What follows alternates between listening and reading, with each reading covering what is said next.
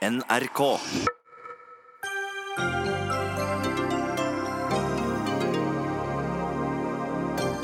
knusktørt i store deler av Sør-Norge. I ettermiddag har det vært krisemøte mellom bøndene og landbruksministeren. Men vil Jon Georg Dales ti krisetiltak virke raskt nok? Vet du hvor mange som skiller seg hvert år? Det er et av spørsmålene du må svare på for å bli norsk statsborger. Statsborgerskapsprøva er bortkasta tid og penger, mener kritikere. Og Høyre jubler over økning i antall tildelte studieplasser på lærerstudiet, og mener det viser at regjeringas skolepolitikk fungerer. Ingen grunn til begeistring, sier Arbeiderpartiet.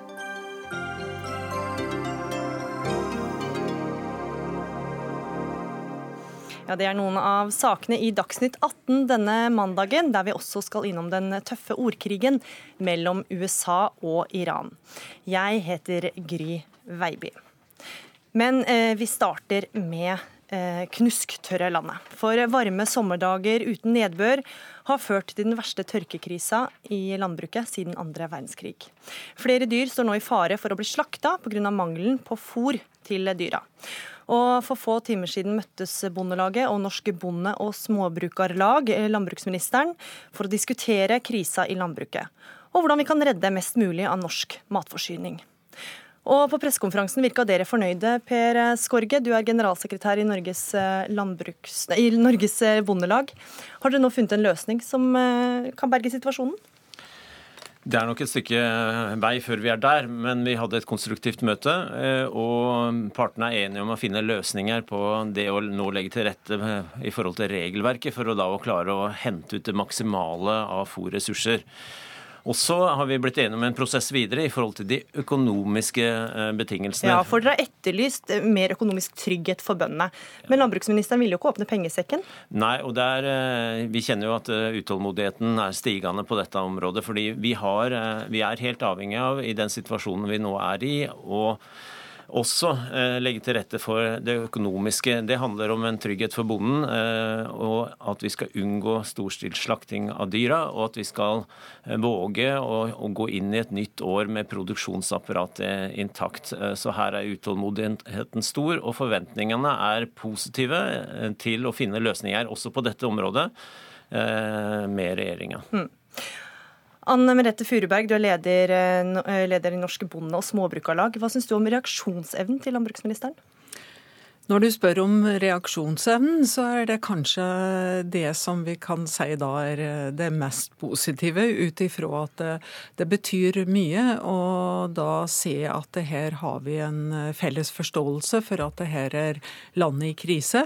Og det er jo snakk om vår felles eh, matforsyning. Mm. Men har de vært raske nok på eh, banen? De, I Sverige har vi jo sett landbruksministeren komme på banen og stille seg jo, bak bøndene veldig tidlig. Jeg altså, vi, har, vi har jo pressa og pressa på i lengre tid. og eh, noe fikk vi jo gjennomslag før, og så gjenstår eh, den økonomiske biten som vi da er i en prosess nå for å kunne løse. Og en eh, opplever at det her haster det ut ifra at eh, vi må få til bedre økonomisk trygghet for bonden. Her er det psykisk tøft, mm. alle valg som en må ta. Det er aldeles uholdbart å gå og se på brunsvidde jorder og vurdere om en skal eh, sende dyr på slakt, ut ifra at eh, dyrevelferden går jo utover. Så vi er utålmodige. Men eh, når spørsmålet var stilt på denne måten, så vil jo si at det er bra at vi har myndigheter som nå vi kan være i inngrep med, men det gjenstår at vi får den økonomiske tryggheten. For vi er nødt til å unngå at bønder gir seg. Ja. Eh, Jon Georg Dale, du er landbruks- og matminister. Du sier at dere skal ha ukentlige faglig gjennomgang av de økonomiske tiltakene. Har vi råd til å vente så lenge?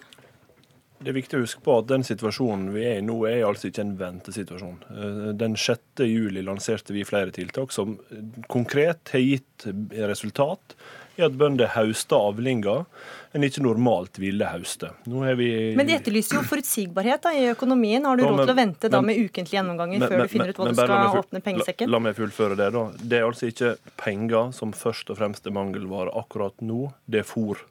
Det betyr at vi må konsentrere oss om hvordan sørger vi for at bøndene nå høster mest mulig fôr. Det gjør vi gjennom de tiltakene som kom 6.7. Det gjør vi gjennom de grepene som kommer i dag. Så er det helt rett at i den akutte situasjonen har likviditet for en del bønder vært en utfordring. Derfor varsla vi jo 6.7 videre opptrapping i dag på, på avlingsskadeerstatning. Kan du nå få opptil 70% utbetalt på forskudd. Det håndterer den akutte situasjonen. Så det er flere økonomiske tiltak som jordbruket peker på i dag. Eh, de skal vi naturligvis gjøre vurdering av. Det skal også jordbruket gjøre fra sin side. Så må vi komme tilbake igjen til det. Men det aller viktigste jobben nå er altså at det er ikke penger som holder liv i dyra, det er mat. Da må vi legge til rette for at vi hauster mest mulig nå. Er du enig i den virkelighetsbeskrivelsen, da? Det er slik at nå trenger bonden økonomisk sikkerhet. Men vi har jo fôr, sier alle. Både den som skal selge fôr og den som skal kjøpe fôr, så må det være en trygghet i bøtten, eh, slik at det blir tatt eh, vurderinger som òg har den økonomiske tryggheten i bak. Men, Men har vi det, det med de krisetiltakene som har kommet i dag? Den økonomiske tryggheten? Det er slik at vi vi trenger mer, og det haster med å få gjennomført det. Eh, det er eh, viktigst å samle fôret, men vi må ha økonomisk trygghet. Og bonden har det tøft psykisk, og for å unngå konkurser så må vi ha økonomisk trygghet. Skorge, er du enig i virkelighetsbeskrivelsen til Dale her?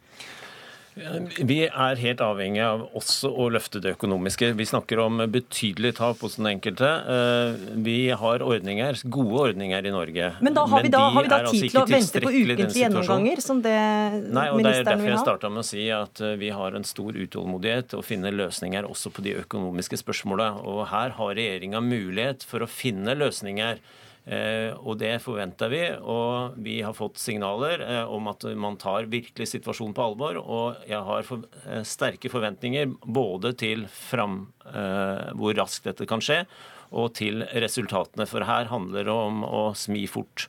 Mm. Cato Nyquist, vi har med deg også. Du er politisk redaktør i Nasjonen og følger denne krisa tett. Det er jo et sjeldent syn da, å se landbruksministeren så vel forlikt med bøndene som vi så på pressekonferansen i dag. Har de grunn til å være fornøyd, syns du?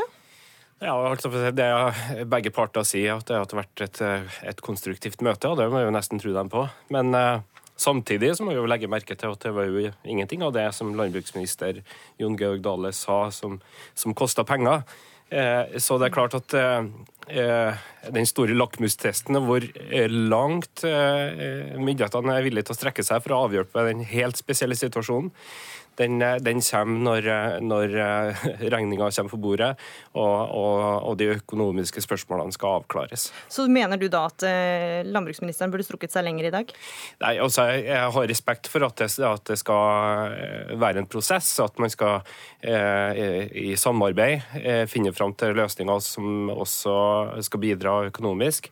Men samtidig så vet vi at mange bønder er i en fortvilt situasjon. Mange står på spranget til å ta dramatiske beslutninger om å, slakte ned dyr eller ikke. Og, og et, eh, et, eh, signal om at eh, myndighetene også ser for seg å, å, å sende penger i, i retning av et kriserammet landbruk, det, det, det kunne ha, ha, gjort seg for mange.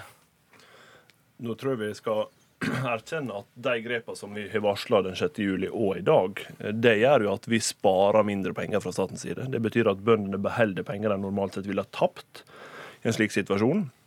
Det gjør vi for å avhjelpe situasjonen til bønder. Det er altså sånn at Vi unnlater å spare penger som følge av den situasjonen vi er inne i. Det andre er jo... Men dere gir ikke mer penger? Dere bare unnlater å vi, vi, Ja, det gjør vi. Mm. Og så er det jo sånn at jordbruket har jo, eh, og kunne ha tatt initiativ til å reforhandle deler av jordbruksavtalen f.eks. For, eksempel, for å flytte disse pengene eh, til dette. Det har en hittil ikke ønska.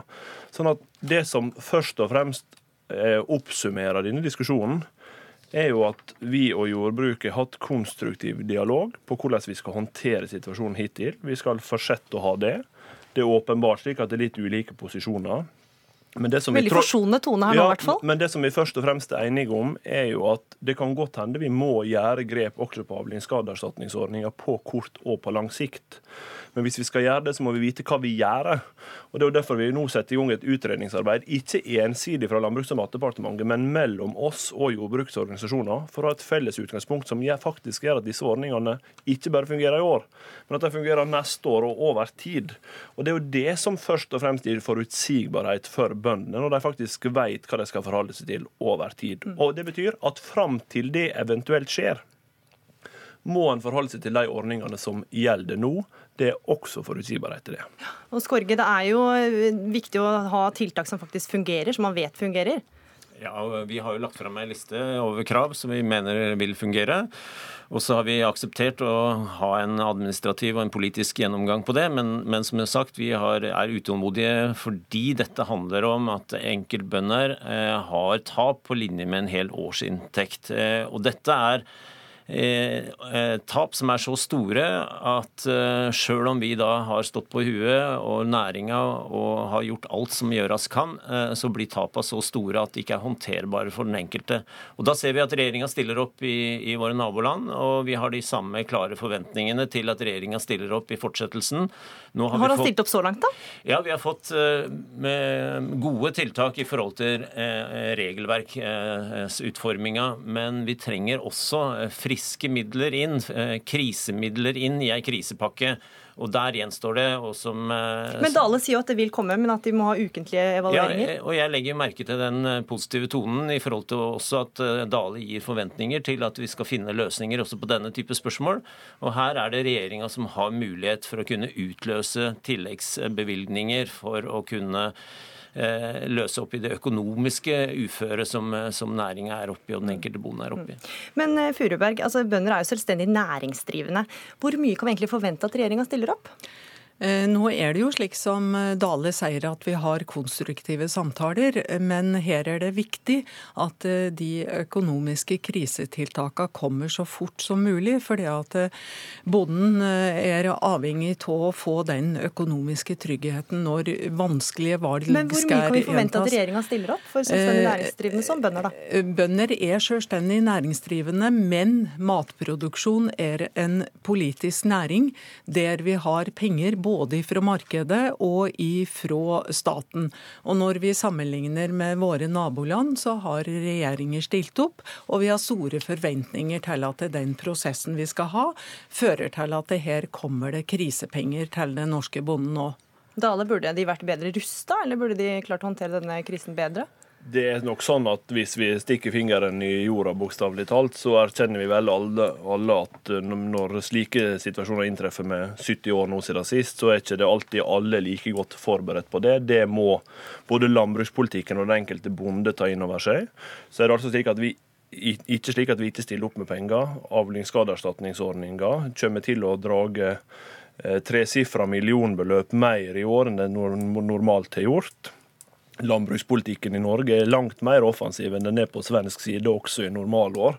Sånn at, Å prøve å framstille Sverige som den store driveren ditt, det tror jeg er i hvert fall behov for å nyansere til en viss grad. Det viktige nå er jo at de grepene som vi gjør, faktisk virker. Da må vi begynne i rette enden. Og den rette enden å begynne i, altså sørge for at vi produserer mest mulig fôr, får tak i mest mulig fôr.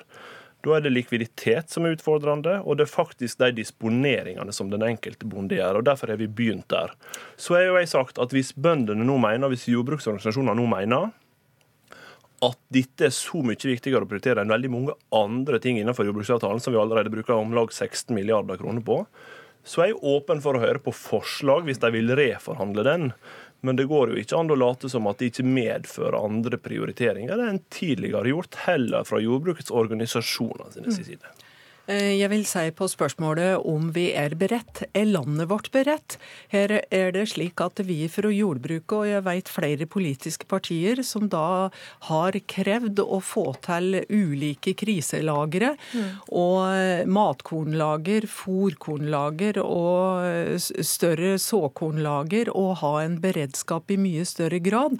Og vår jordbrukspolitikk har jo dessverre blitt slik at det har blitt sentralisert. Nå viser jo dette dette her, at vi trenger matproduksjon over hele landet for at vi skal ha muligheter til å kunne ha eh, beredskapsfôr fra enkelte områder overført til andre. Så her er det mange sider vi er nødt til å gå gjennom etter at eh, vi kommer igjennom denne krisen. Mm. Men hastetiltakene for bonden nå, det er å få en økonomisk trygghet, slik at en slipper å eh, måtte gi seg, dessverre. Nyquist, hvor mye tror du disse tiltakene vil hjelpe for krisa? Eh, det de vi har sett eh, så langt, det avbøter jo situasjonen. altså Det gir bonden større handlefrihet til å gjøre smarte grep som, som kan øke fôrproduksjonen. Men springende punktet er, er, er fortsatt ubesvart. altså Hvordan kommer man ut økonomisk? Og jeg tenker at En krisepakke det handler jo om skadebegrensning. Skaden har allerede skjedd. Eh, tørken har inntruffet men skaden kan bli mindre eh, hvis bøndene kompenseres mer for de avlingstapene de har. Skaden kan bli mindre hvis man, eh, eh, hvis man da stimulerer til mer produksjon der det er mulig. Og da kommer spørsmål som frakttilskudd inn, eh, kanskje. Og eh, det er eh, Skaden blir rett og slett mindre dess færre dyr som, som ender opp hos slakteriet. Og eh, skal man unngå det, så tror jeg at, eh, tror at Furuberg har rett i at det, det haster. Hmm. Men Skorge, altså, det vil jo bare bli mer og mer ekstremvær. Hvordan er dere rusta for dette i framtida? Går det an å ruste seg? Eh, jeg tror at eh, norsk landbruk eh, har gjort ganske mange smarte grep på den måten at vi har valgt å ha et landbruk over hele landet. Og vi har fortsatt en politiske ordninger, administrative ordninger, som er utrolig viktige, så vi er bedre rusta. Men sjøl de i denne situasjonen holder ikke. og det må jeg jo si til Dale at omfordeling mellom bønder er ikke svar i denne situasjonen. Denne situasjonen her krever helt ekstraordinære, altså en krisepakke. Eh, og eh, bevilgninger ut, altså tilleggsbevilgninger eh, fra, fra, Stortingets side. Det er helt nødvendig skal vi komme ut av en situasjon. Dale sa verste på 70 år. Vi har gått gjennom værstatistikken, og det ser ut som vi kan begynne å snakke om 125 år. Så dette er ikke hverdagskost, dette er en helt ekstrem situasjon. Og at vi da får en krisepakke og Med penger? Med penger i denne situasjonen, det har jeg klare forventninger til regjeringa på.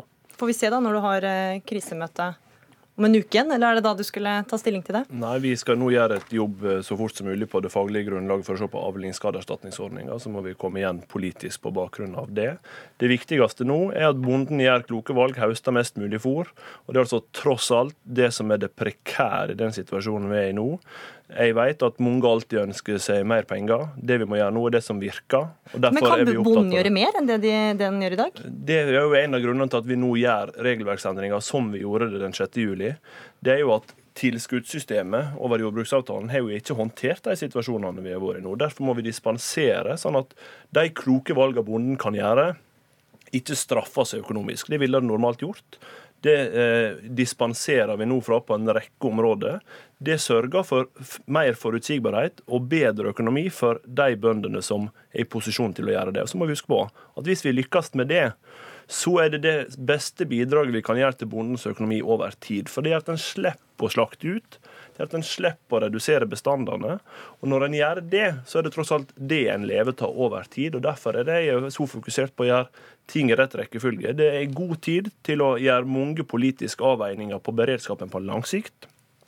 Det er mulig for oss å ha politisk dialog om hvordan vi skal håndtere dette videre gjennom året, men på kort sikt leverte vi altså flere tiltak den 6. juli, leverer ti nye i dag. Og vi vil fortsette å levere i den grad det er nødvendig for å avhjelpe den situasjonen som unge bønder nå befinner seg i. Og da fikk du eh, siste ordet, Jon Georg Dale, landbruks- og matminister. Takk for at du var med i Dagsnytt 18. Takk også til deg, Anne Merete Furuberg. Takk til deg, Per Skorge. Også takk eh, til deg, Cato Nyquist, politisk redaktør i Nasjonen.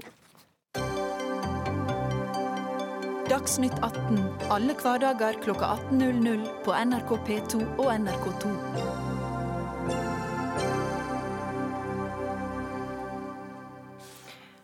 Antall personer som har fått tilbud om studieplass på lærerstudier, har økt med 14% sammenligna med i fjor. En gladnyhet jubler Høyre, som forklarer det med at skjerpede krav til utdanninga kan virke positivt. Men det er ikke du like overbevist om. Torstein Tvedt Solberg, du er stortingsrepresentant for Arbeiderpartiet. Hvorfor kan du ikke juble sammen med Høyre om at nå flere søker på lærerutdanninga og vil bli lærere?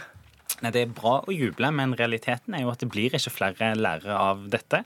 Selv om det er så bra at det er nesten 3000 flere som har søkt. Men hvordan blir det ikke flere lærere av det? Nei, Regjeringen har jo svikta i å gjøre sin del av jobben. Så selv om det er 3000 flere som har søkt om å bli lærere, så er det bare rundt en 100 flere studieplasser. Og Da blir jo realiteten det at selv om det er flere som har søkt, så burde det jo vært flere studieplasser. For det er jo det som hadde sikra at vi hadde fått flere til å bli lærere og fått gjort noe med den enorme lærermangelen som er. Så vi sier at skal vi klare å snu den trenden som er, med den svære lærermangelen, så trenger vi mer handling og mindre, mindre jubel. Men det viser jo at eh, det er mange som vil bli lærere, at det har gjort det mer attraktivt, da. Og Nettopp derfor så burde jo regjeringen eh, fått på plass flere studieplasser, sånn at vi nettopp da sikra at flere eh, ble uteksaminert og ble lærere til syvende og sist. Nå jubler en litt for noen sånne tall på opptaket, men antall studieplasser det er jo det som er det viktige. Ja, for Turi Christensen, du er stortingsrepresentant for Høyre.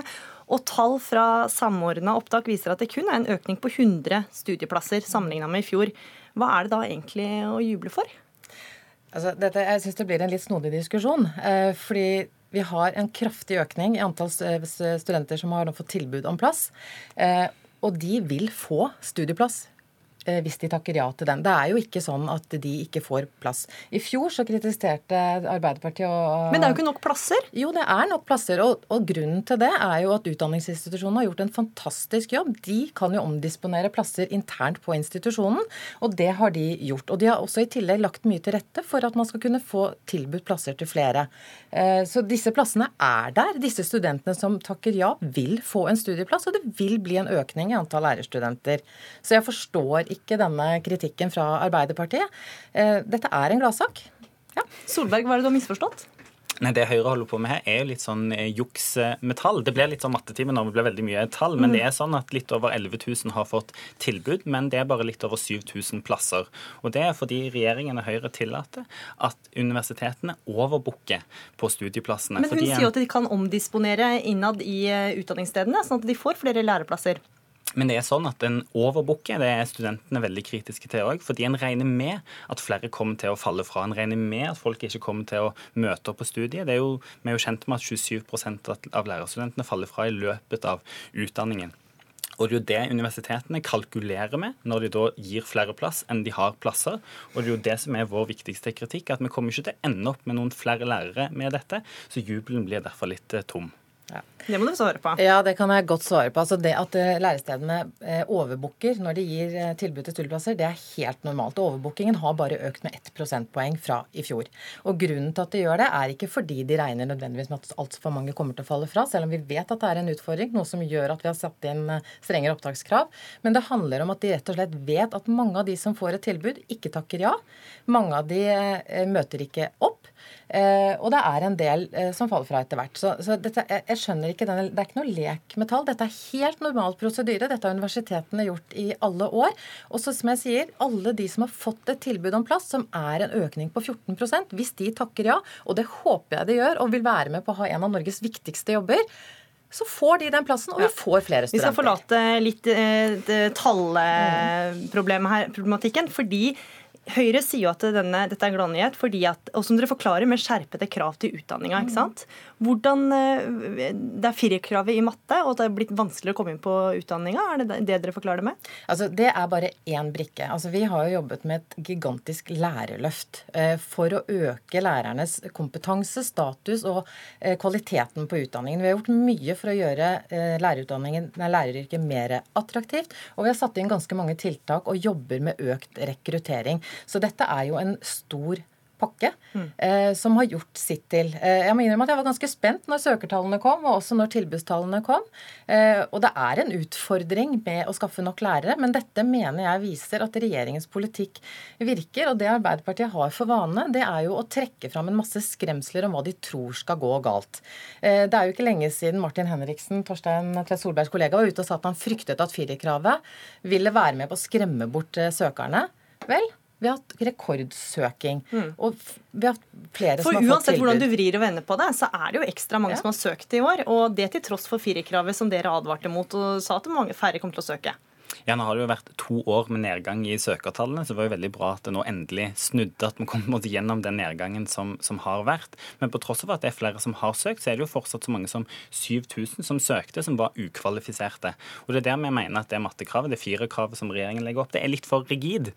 Vi òg vil ha krav, men vi tenker kanskje at det er smartere å ha krav på det faget du skal undervise i. Sånn som det er nå, så kan du ikke bli norsklærer hvis du ikke har god nok karakter i matte. For der vil dere ha tre i norsk. Norsk skal man ha tre i For eksempel så vil vi òg se på mm. kunne, eh, at en har krav på, på, karakter på det faget en skal undervise i. Og nå er det veldig ensidig kun på matte. Nå må du ha matte uansett. Mm. Og det syns jeg er litt merkelig at Høyre står så rigid på, for Høyre pleier vanligvis å være veldig opptatt av hva forskningen sier om dette. Og det er ingen forskning som, som, som sier at hvis du har god mattekarakter, karakter, så blir du en god lærer. Jeg tror eh, vi mister altfor mange ukvalifiserte folk nå som burde blitt lærere, som kunne blitt gode norsklærere, kroppsøvingslærere eller Og vi leser jo stadig vekk om at det er lærermangel i eh, landet. Mm. Eh, hvorfor må man da ha dette kravet? Nei, men Det er jo det jeg har vært inne på. Det handler om å øke lærernes status og kompetansen til lærerne. Men kan man gjøre det uten å ha det kravet i eh, matte? Nei, vi mener at det er en viktig ting, og det mente også Arbeiderpartiet inntil for nylig. Eh, min kollega her har kalt det en ideologisk bommert. Jeg skjønner ikke helt hvilken ideologi han da siktet til, fordi Arbeiderpartiet var enig i dette og ville også ha karakteren fire i norsk. Men dette er det nye Arbeiderpartiet. altså Man vingler i sak etter sak og bruker skremselspropaganda. Så når det gjaldt fraværsgrensen, så var det ikke måte på hvor farlig det var, for flere kom til å falle fra. Tvert imot. Flere er mer til stede på skolen, og flere fullfører utdanningen. Det samme ser vi med firerkravet. Eh, dette skulle føre til at vi fikk færre lærerstudenter. Eh, det at det var noe færre søkere de to første årene, det er akkurat det samme som når man innførte kravet om tre, som vi har hatt lenge, og kravet om studiepoeng. Også da tok det seg opp.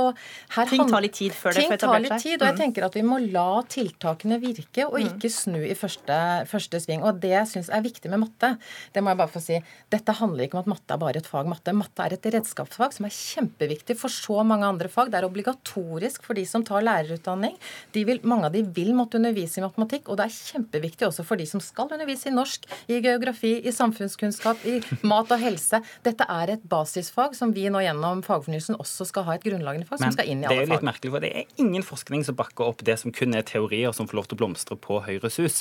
Det vi har sagt at er viktig å sette krav, men vi må òg se de realitetene inn i øynene som ligger rett foran oss. Vi kommer til å mangle 12 000 lærere innen få år. Det sier Kunnskapsdepartementet. Da må vi som politikere ta inn over oss det det betyr for norsk skole. For Med den teoretiske tilnærmingen som Høyre har, så ser vi at andelen ukvalifiserte som underviser i norske klasserom, den har økt. Fordi Høyre er mer opptatt av teorien enn realiteten i klasserommet. En ting er i hvert fall sikkert at dette kommer til å debattere ja. mye mer, og vi får, blir spennende å se når eh, tall fra neste års opptak eh, mm. kommer.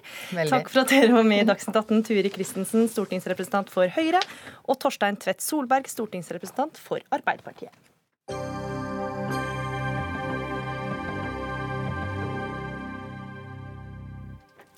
Presidentene i USA og Iran har hatt en tøff ordkrig i helga.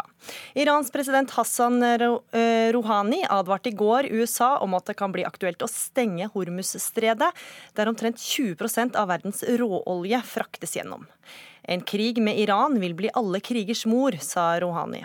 Det fikk Donald Trump til å sette på capslocken på tastaturet da han tvitra tilbake aldri, aldri forsøke å true USA igjen med 'det vil få store konsekvenser', skrev Trump. Og Tove Bjørgaas, USA-korrespondent, hvorfor reagerte Trump så sterkt på Rohanis uttalelser? Trump har liten eh, toleranse for slike utspill fra Iran, og stoler jo ikke på Rouhani. Det er også derfor USA trakk seg fra Iran-avtalen. Han mener at Iran ikke snakker sant når de sier at de bygger ned atomprogrammet, eh, og er også veldig sterk i sin ordbruk her. Hvordan har reaksjonene vært eh, i USA på Trumps eh, store bokstaver på Twitter? Nå begynner jo folk her å bli vant til de store bokstavene. Det minner jo litt om måten han diskuterte med, Kim Jong-un på Twitter på før, altså i månedene for et år siden, før de møttes når han truet eh, og, brukte sterke ord mot Kim Jong-un. Jeg tror folk her begynte å bli vant til eh, denne typen ordbruk. Eh, og det er heller ingen stor toleranse for Rohanis regime når de kommer med slike utspill som dette, spesielt i det republikanske partiet. Her er det jo nye sanksjoner mot Iran, og mange ønsker at de skal være enda sterkere enn det de faktisk er. Mm. Korrespondent Sissel Wold, du er i Istanbul. Hvordan er reaksjonene i Midtøsten?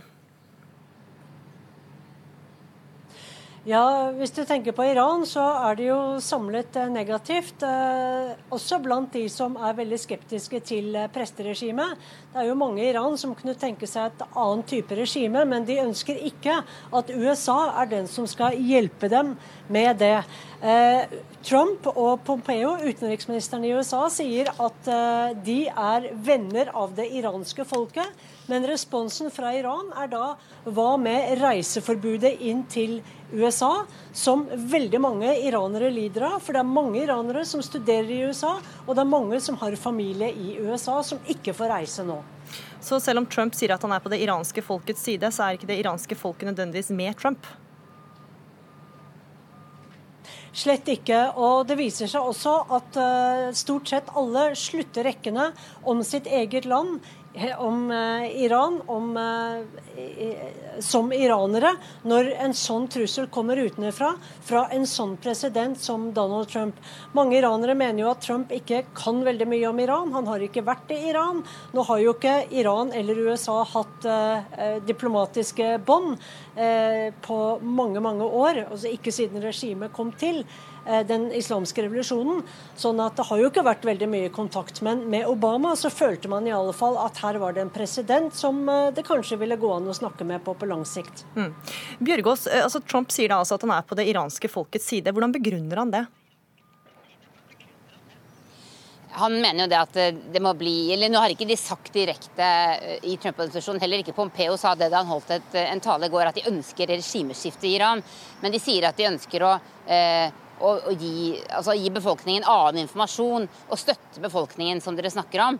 Eh, og Det de også har sagt at de skal gjøre nå, er bl.a. å starte en, eh, støtte en TV-kanal på farsi, eh, som skal gi da andre nyheter til det iranske folket enn det de får fra regimet. Det er jo som Sissel Wold er inne på her, altså det er en liten eh, tillit til regimet her i USA. og, og, og Trump ved å kutte Iran-avtalen. Det handlet også mye om mangel på, på, tillit. Men han mener jo da at eh, opposisjonen i Iran som de er opptatt av her, da, eller, eller altså mange av, av, de iranerne som kom hit til landet, som har bodd her lenge, det er jo folk som flyktet etter revolusjonen, eh, og, og som, som, som, står lenger altså Som kanskje ikke støttet Trump, men iallfall så lenger til, til høyre politisk. Eh, så, så, men, men, heller ikke de ønsker i stor grad eh, en sånn språkbruk som det vi har hørt i dag. Mm. Sissel eh, Wold, altså vi hørte jo Irans president eller han advarte om at han kan stenge da Hormuz-stredet, hvor omtrent 20% av verdens råolje fraktes gjennom. Hva, hva ville den praktiske konsekvensen blitt dersom han faktisk gjorde det? Hvis det skjer, så vil jo oljeprisen stige til himmels. Og en av de få som tjener på det, er jo Norge. Men det er jo et veldig veldig dramatisk eh, tiltak. Lederen for Basiji-militsen, som er en del av revolusjonsguiden, sier i dag at president Trump driver med psykologisk krigføring. At han har ingen mulighet for å eh, virkelig true Iran. Fordi at eh, vi har sett de siste årene at IS, som ikke er en stat engang, har greid å selge mye olje til mange land.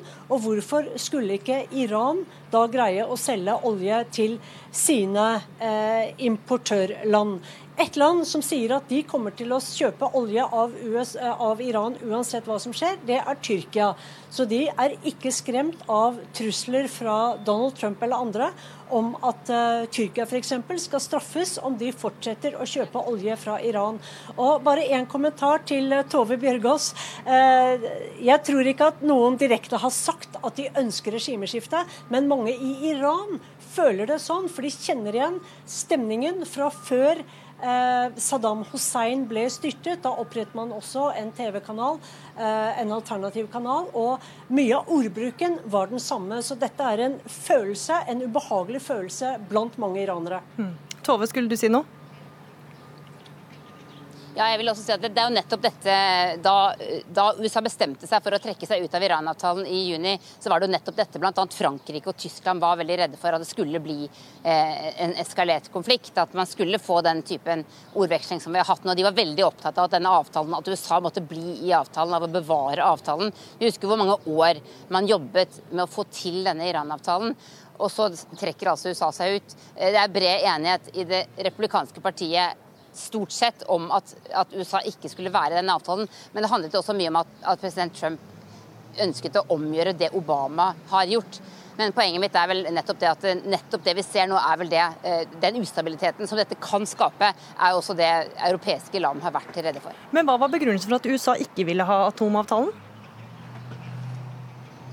Det var jo først og fremst at eh, president Trump mente at det var en dårlig avtale. At han mente at han eventuelt ville reforhandle den, men ikke minst at det var president Obama som hadde forhandlet den fram. Og at han mente at han hadde gitt altfor mye, og at man ikke hadde noen garanti for at Iran ville oppfylle sine forpliktelser i forhold til å avslutte atomprogrammet. Det handlet mye om eh, Trumps horn i siden til Obama også, bare det at de trakk USA ut. Mm. Sissel Wold, hvorfor er atomavtalen viktig for Iran? Den er veldig viktig fordi at Iran er veldig presset økonomisk. Det er enorm arbeidsledighet der. Det Iran trenger, det er å få i gang mer handel med særlig Europa. For å få arbeidsplasser, for å få importere varer de ikke har fått pga. sanksjonene. Sånn at det var mange avtaler på gang. Det er mange avtaler på gang. Men det er klart at for europeiske selskaper, hvis de må velge mellom det iranske markedet og det amerikanske markedet, så er det jo klart at de vil velge markedet i USA. Mens regjeringene i Europa de ønsker å beholde denne avtalen så langt det er mulig, av politiske og sikkerhetsmessige grunner. Men det er klart at de kan ikke diktere store franske bilfirmaer f.eks. som Renault eller Peugeot om å fortsette samarbeidet med Iran hvis de da mister, straff, mister, mister muligheten for det amerikanske markedet og blir straffet av USA. Så dette er en kinkig sak for europeere. Mm. Tove Bjørgaas, du var inne på det tidligere, at eh, Donald Trump gikk jo hardt ut også mot Nord-Korea. Men kan han lykkes denne gangen eh, med denne metoden også i Iran? I Iran? Jeg vet ikke, Vi vet jo heller ikke om han har lyktes veldig godt når det gjelder Nord-Korea. Han fikk jo også da Kim eh, til å møtes, men nå er jo USA misfornøyde med måten Nord-Korea har fulgt opp det møtet på. De har jo ikke fått de innrømmelsene de, de ønsket. Når det gjelder den tweeten som kom i natt, så tror jeg kanskje den kom på slutten av en, en dag der Trump hadde tvitret om mange temaer i både store og små bokstaver eh, om mange forskjellige ting. Eh, og, og, og brukte altså veldig sterke ord. Jeg, jeg, er ikke så sikker på at det var så veldig, at dette var en del av en veldig gjennomtenkt eh, strategi. Men det vi hørte Pompeo si, altså at USA ønsker å på en måte starte en slags informasjonskampanje i Iran, det tror jeg er eh, noe vi skal følge mer med på. Altså, og, og, det ligner, som, som Sissel sier, på det som Bush-administrasjonen gjorde gjennom det forholdte Greater Middle East Initiative eh, under Irak-krigen. Eh, eller også før Irak-krigen, for å få folk i Midtøsten eh, til å bli mer eh, USA-vennlige. Så det kommer til å bli mer om denne saken, helt garantert. Korrespondenter her i NRK, Tove Bjørgaas og Sissel Wold, takk for at dere var med i Dagsnytt 18.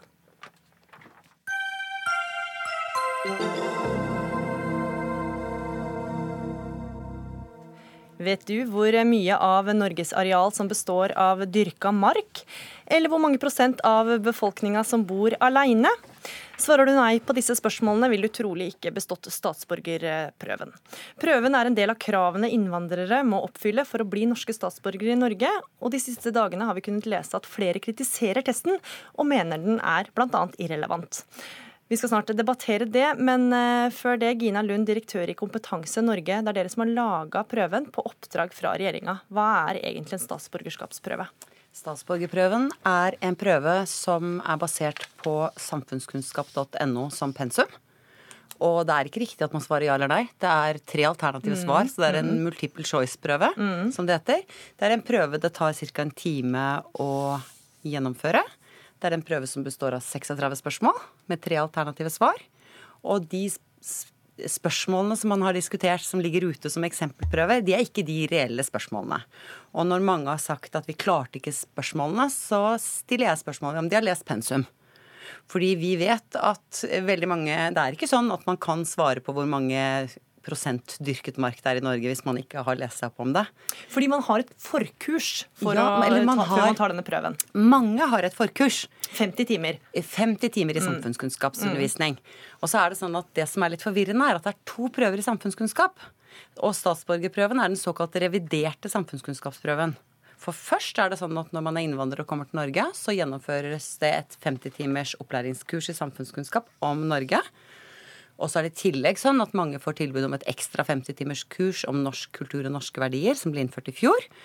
Eh, og så tar man en prøve for å sjekke ut om man har klart å tilegne seg kunnskapen om Norge. Det er veldig mye som står på spill, da. Nei, i den første prøven så kan du ta prøven, den første samfunnskunnskapsprøven, den kan du ta på ditt eget språk eller språk som ligner på ditt.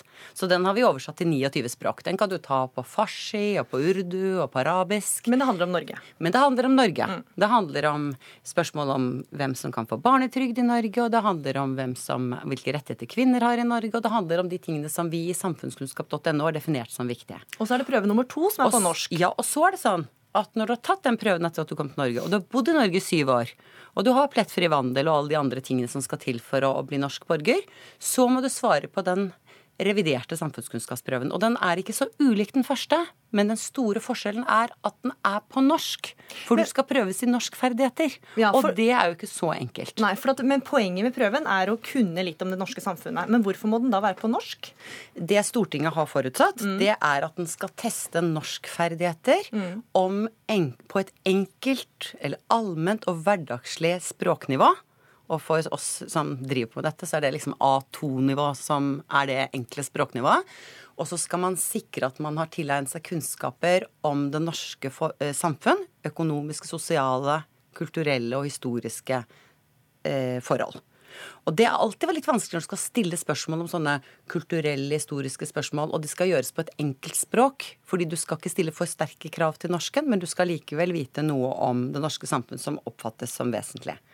Men jeg vil bare gjerne si, før jeg sikkert snart blir debatten sikkert går videre, så vil jeg gjerne si at det er kjempebra sett fra vårt perspektiv at vi får en sånn debatt om hvilke type spørsmål og hvordan prøven skal se ut. Det tenker vi er kjempebra, fordi det handler om at det, eh, Stortinget har bestemt at det skal være en sånn prøve. Det er det bred enighet om. Alle synes vi er enige om at ja, vi skal teste, men noen syns prøven er altfor lett, noen syns den er altfor vanskelig, noen syns ikke den er relevant. Men det må også være veldig vanskelig å velge hvilke spørsmål som skal være med. Det er krevende, men det er basert på en, eh, en læreplan i samfunnskunnskap. Og det er veldig viktig for oss som skal lage tester, at vi kan ikke bare teste i hytt og pine. Vi må teste ut ifra en læreplan og ut ifra et pensum. Og derfor er det sånn at når man blir spurt på tre på gata kan du vite hvor stort flatinnhold, er, hvor stor andel av eh, norsk eh, eh, eh, jord som er dyrkbar mark, så er det mange som sier at nei, det vet ikke. Men hvor stor andel er det? Det er tre. Ja. Men, men, men det er fordi at jeg har lest gjennom Ja. de eksemplene fordi jeg skulle forberede meg på pensum, og pensum mitt var å komme hit. Ja. Og for de fleste så er det sånn at når du skal ha en prøve, så må du lese pensum. Ja. Og vi tror at den prøven vi har laget, er omtrent på et passende nivå. Og da skal vi over til eh, debatten. Martine Aurdal, du er debattansvarlig og kommentator i Dagbladet. Og du er blant dem som er kritiske til denne prøven. Hvorfor det? Jeg er ikke nødvendigvis kritisk til at det finnes en prøve i seg selv. Jeg syns det er eh, veldig bra at man kurser eh, innvandrere gjennom introduksjonsprogrammet både i norsk og i samfunnskunnskap. Jeg syns de gjerne kan avslutte slike kurs med en obligatorisk eh, kartleggingsprøve, som godt kan være referansepunkt til å bruke videre i samfunnet. Det jeg er kritisk til, er at en slik kunnskapstest, som framstår på mange måter som en litt underlig quiz, eh, knyttes direkte opp til retten til å få norsk Det er mye som står på spill. Det er veldig mye som står på spill. Det kan være veldig mange grunner til at folk har problemer med å ta en eh, slik type test. Og ved å knytte den direkte opp til retten til statsborgerskap, så lager man et A- og B-lag av eh, innvandrere som uansett har rett på permanent opphold i Norge. For du kan jo ikke søke om statsborgerskap hvis du ikke har bodd her i minst sju år og har, eh, eh, og har, sånn sett, eh, og har rett til eh, å bli her uansett. Og Derfor så syns jeg det er underlig å ha denne testen knytta så direkte opp til den. Så er det jo en del andre momenter som vi kan komme tilbake til.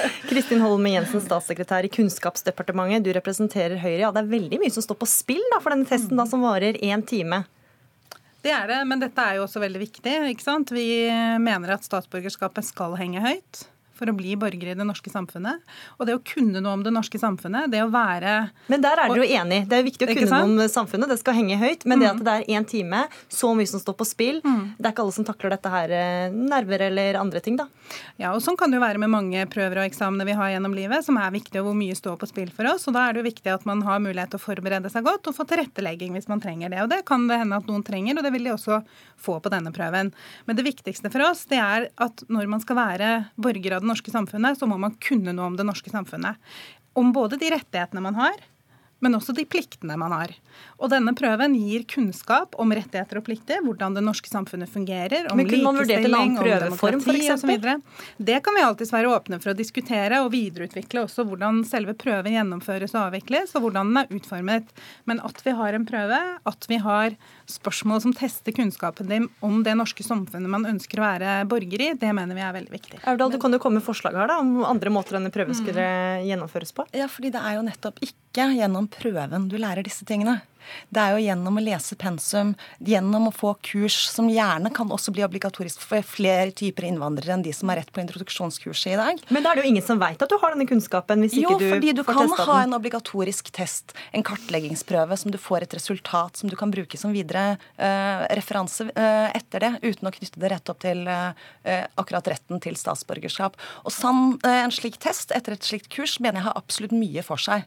Men det er altså veldig mange grunner til at folk kan ha problemer med å ta denne testen. For det første så har jo forskere påpekt at det er vanskeligere å bestå denne testen dersom du kommer fra et land eh, med en dårlig forvaltnings eh, eh, dårlig forvaltningsnivå sammenlignet med det norske. For det er mange spørsmål om ulike etater og direktorater, hvem du skal gå til osv. Som vil være vanskeligere å forstå rett og slett hvis du kommer fra et land uten en tilsvarende struktur. Hvis du har et språk som ligger langt unna det norske, er det vanskeligere både å lære seg norsk og oppfatte de nyansene som ligger i denne typen spørsmål. Eh, I tillegg så vet vi jo at veldig mange ua- av liksom, diagnoser har problemer med denne typen stressituasjoner. Jeg kjenner folk som er strøket på fire grunnfag på rad, men er fullt eh, oppegående folk med, med høy kunnskap av den grunn. Folk som eh, aldri får tatt førerkortet fordi at de er livredde for teoriprøven osv. Og, så og de vil da utelukkes fra statsborgerskap gjennom en slik direkte sammenheng mellom akkurat denne ene times lange prøven og statsborgerskap. Og det burde ikke være nødvendig. Det er mange måter å sikre at innvandrere får denne kunnskapen på uten å knytte det slik direkte. Jensen, Det kan jo virke som en slags siling da, etter de eh, innvandrerne man vil ha, eller som skal bli norske statsborgere. At de kommer fra en god statsforvaltning, har nerven i orden, eh, klarer tidspresset. Nei, sånn er det jo ikke. Og sånn er det jo heller ikke på andre prøver og eksamener man har. Der er det jo sånn at man må gjennomføre det, og så må man få hjelp og tilrettelegging hvis man eh, har utfordringer med det. Og det vil også innvandrerne få hvis de tar denne prøven. Men det som er viktig for oss, det er jo at det å være en del av det norske samfunnet, det krever faktisk at man kan godt norsk. At man forstår det norske samfunnet. Både noe om rettigheter, om demokrati, om likestilling, om hvilke er rettigheter barn har osv. Nei, men vi mener jo at den beste måten å sikre det på, er å ha en klar eh, plikt til å sette seg inn i disse tingene og bli prøvet i det. Så er vi enige at det er viktig å tilrettelegge for de som syns dette er krevende, men når man peker på f.eks. at det er noen sårbare grupper som har større utfordringer med dette, så må jo svaret være ikke å droppe å stille krav. Ikke å droppe å stille eh, eller å be om at man må tilegne seg den kunnskapen, men å tilrettelegge den sånn at det er mulig å få det. Og jeg tenker jo at For mange som kommer nettopp fra samfunn som har en helt annen samfunnsstruktur, som kanskje ikke er vant til likestilling og demokrati og religionsfrihet, så er dette utrolig viktige ting å lære seg hvis man vil være borger i det norske samfunnet. Og Hvis vi tar debatten ett skritt videre, så kan vi jo se dette utenforskapsperspektiv. ikke sant? Vi har, Selv om veldig mye lykkes godt i norsk integrering, mange klarer seg godt, er i jobb, forsørger seg selv, så ser vi også at det er en stor gruppe som står helt utenfor. Vi møter kvinner som har levd tiår etter tiår i det norske samfunnet, som ikke kan norsk, som ikke vet hvilke Men samtidig så er det et reelt problem du peker på her, for en tredjedel omtrent er det Mm. strykvel på denne testen. Ja, og det er flere, det er flere som består denne testen enn f.eks. førerkorttesten, som du også nevnte. Og det er klart, Da må vi jobbe for at flere består, og, og jobbe for å tilrettelegge både undervisning og prøven uh, for det. Men det er klart det skal stilles krav, og det skal være et krav om at man må faktisk sette seg inn i dette pensumet og lære Ja, seg og det der er jo ikke du enig. Men tilrettelegging, da? Jo, men, men vi vet jo at veldig mange av de som sliter eh, med slik type testing pga. nerver eller, eh, eller eksamensstress og sånn, sliter uansett eh, tilrettelegging. Og det fins jo allerede noen typer tilrettelegging ved at man kan få testen muntlig. Og jeg Mm. forventer jo at testen både revideres slik at man får luket ut noen av de rareste spørsmålene, og at den blir bedre eh, tilrettelagt framover. Men det løser ikke altså utfordringen med at noen, og nå da ganske mange, uansett kommer til å stryke en slik test. Og det man gjør da, er jo nettopp ikke å bidra til integrering, som man kan oppnå gjennom kursing og obligatorisk kartleggingsprøve, eh, men uten å lage det A- og B-laget av fastboende innvandrere med permanent opphold i Norge, som en slik test da vil eh, skape, og sånn sett bidra til å hindre integrering istedenfor For det er jo kanskje den ene tredjedelen som kanskje ikke føler at de noen gang vil være bra nok for Norge, i og med at de stryker på denne testen. Ja, nå er det jo ikke sånn at uh, man stryker for én gang, og så er man ute. Man kan ta prøven om igjen og, prøve flere ganger. Hvor mange at, ganger kan man prøve? Ja, jeg vet ikke om det er noen begrensninger i antall, men man kan i hvert fall ta den flere ganger. Men, og jeg, tenker, jeg klarer ikke helt å se den store forskjellen på den kartleggingsprøven Martine Aurdal nå tar til orde for, og den prøven vi har. Um, men jeg er Fordi at det ikke knyttes til retten til statsborgerskap. Det er en veldig stor forskjell. Men det mener jo vi er et veldig viktig poeng. For hvis du vil være borger i Norge, så må du kunne eh, noen grunnleggende ting om det norske samfunnet. Det er en fordel for hver enkelt innvandrer, og det er en fordel for det norske samfunnet. Og jeg mener at det også vil bidra til å fremme integrering og forhindre utenforskap. For det vi har sett gjennom mange år nå, det er at til tross for at vi har undervisning i samfunnskunnskap og andre typer tilbud, så er det mange som faktisk lever i dette samfunnet år ut og år rundt inn uten å forstå det godt nok, uten å kunne orientere seg her.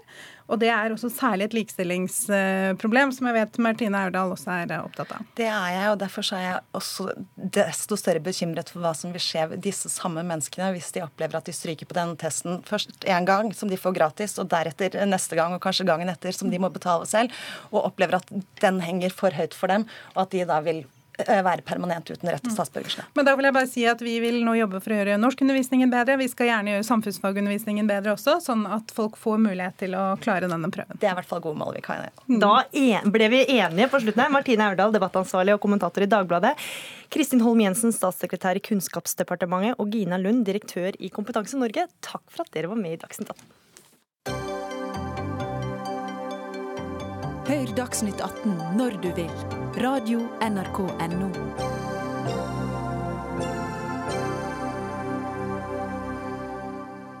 Vi skal en liten svipptur tilbake til årets eh, studieopptak. For mange gleder seg nok til å starte på nytt eh, studie, få nye venner, kanskje flytte til en ny by. Men eh, det kan for mange være litt mindre lystbetont, er å finne et sted å bo. For du har hørt det før, og du kommer ganske sannsynlig til å høre det igjen, det er stor mangel på studentboliger i Norge, til tross for at det aldri er bevilga mer penger til nettopp det enn nå. Og leder i Norsk studentorganisasjon, Håkon Randegård Michaelsen, bare først, Hvorfor er det med egne boliger til studenter så viktig? Studenter jo en, har jo trang økonomi, da. Og den største enkeltutgiften studenter har, det er boutgifter. Og da er studentboliger det er en enkel og grei måte å sikre studenter billig og trygt sted å bo. Mm. Og Derfor mener vi det er viktig å bevilge penger til å bygge studentboliger. Og så har vi da tall fra Kunnskapsdepartementet som viser at det aldri er satsa så mye på studentboliger som nå. Hvorfor er ikke det bra nok? Det er veldig bra. Altså det eh, Å satse på studentboliger, veldig bra. Men så ser vi eh, fra den undersøkelsen som eh, vi har lansert i dag, så ser vi at til tross for at det bygges mye studentboliger, så ser man at dekningsgraden den holder seg relativt stabil. Og Hva mener du med dekningsgraden? Det er da andelen studenter som har tilgang på, på å bo i studentbolig. Og Den ligger nå på 14,56, og det er omtrent det samme som den har gjort i ganske mange år. For den burde være på 20 ja. cirka, som bor i studentboliger. Mm. Ja.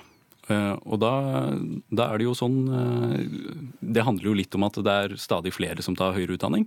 Noe som også er veldig bra. Studentbevegelsen har alltid vært opptatt av at høyere utdanning skal være noe som skal være tilgjengelig for flest mulig. Men samtidig som flere tar høyere utdanning, så må man jo da også sørge for å sikre studentvelferden. Altså alle de tingene som er med på å sikre at studenter kan lykkes med høyere utdanning. Mm. Og da er studentbolig et kjempeviktig tiltak. Mm. Og da mener vi at man må bygge flere studentboliger. Et av våre krav, det har det vært i flere år, det er at man skal bygge 3000 i året. Og så komme opp på en nasjonal dekningsgrad på 20 som er politisk ønska også. Rebekka Borch, du er statssekretær for Kunnskapsdepartementet for Venstre. Hvorfor er det ikke bedre dekningsgrad på studentboligen i dag? Mm. Altså, Håkon har jo forklart det delvis allerede. Én ting er at stadig flere velger seg høyere utdanning, som er veldig bra. Men det gjør jo samtidig også at selv om vi bygger flere boliger, og flere enn noen gang før, så spises det litt opp av at det er stadig flere som ønsker å bli student. Et annet problem er jo det at det har vært et etterslep på bygging av studentboliger. Og I forbindelse med den debatten har jeg sett litt sånn på tall. Og Hvis man bare går ti år tilbake i tid, til 2007, så ble det bevilget midler til kun 415 studentboliger i året. Nå er vi oppe i 2500. Så jeg vil jo kalle dette for en uh, ganske storstilt satsing, og noe som jeg også er stolt over, fordi Venstre har uh, kjempa inn mange av de plassene. Men, men lik dekningsgrad, da? Ja, men uh, samtidig er det sånn som sagt da, at man har det etterslepet, så prøver man å jobbe inn det, og samtidig øke antallet dem som studerer. Og da, da, sliter man selvfølgelig med å øke dekningsgraden nok, selv om man øker antall boliger. Det er en naturlig forklaring på at dekningsgraden ikke har gått opp? Det er flere studenter? Det er flere studenter, men da betyr det jo også at man må bygge flere studentboliger. Eh, så når man lanserer en historisk satsing på studentboliger, som vi også har heiet på eh, og syns er kjempebra Vi syns det er bra at man bygger så mange studentboliger som man gjør. Eh, men sånn som dekningsgraden da viser, så har ikke den gått opp. Og det er det vi stusser på. Da. Og håper at regjeringen vil være med på å øke da både tilskuddet, kostnadsramme eh, og antall studentboliger. Bygd i raskere tempo? Mm. Ja, og da er det selvfølgelig en problemstilling som jeg ennå ikke har nevnt. Og den er at når vi nå har økt eh, antall eh, boliger som vi gir midler til såpass massivt de siste tre og et halvt årene, så ser vi at vi ikke klarer å bygge fullt så mange boliger som det vi bevilger midler til. Og Der er det et par eh, forhold som er bakenforliggende, som, som, vi nå skal prøve å finne ut av. Hva er det som gjør at studentsamskipnadene ikke klarer å bruke alle disse midlene? At det ikke er nok prosjekterte boliger til tross for at pengene fins. Derfor har statsråden min Iselin Nybø satt ned en ekstern arbeidsgruppe som skal levere sin rapport i slutten av året, som går med i dybden på hvilke utfordringer som egentlig ligger bak, hvorfor nok penger ikke er nok. Eh, og så håper jeg at vi kan komme litt til bunns i hva vi kan gjøre for å få bygget raskere og flere av de boligene som vi faktisk har bevilget midler til. Mm. Men det kommer vi tilbake til når eh, vi har fått mer kunnskap om det. Ikke fort nok, eller jeg regne med at du sier nå? ja, vi, ja. vi, har kunnskap om det, og det, det som trengs, er at man øker kostnadsrammen og også det statlige tilskuddet. For det er jo sånn, Studentboliger er jo et spleiselag hvor eh, staten tar en del av regninga, og så tar studenten resten. Eh, og Tidligere så har det vært sånn at eh, staten har dekket 60% av kostnadene. Eh, mens nå er vi nede på ja, det er vel 37-38% Så det blir dyrere å bo i studentboliger? Ja, og da blir det dyrere å bo i studentboliger. Samtidig som også entreprenørene, som, eller de som bygger studentboligene, de sier også at det, det, er vanskelig og i noen steder umulig å bygge studentboliger innenfor den kostnadsrammen man har nå. Så derfor så må man få økt tilskuddet og også kostnadsrammen. Hvorfor skal man sette ned dette, eller tenke på dette ja, helt til eh, altså, slutten av året? før man, man vet jo at det mangler, og man vet masse som må gjøres. Ja, Men eh, det er et ganske komplekst bilde. For det første er bildet veldig forskjellig fra by til by og fylke til fylke. Det må vi ta høyde for. Det finnes ikke én quick fix for alle.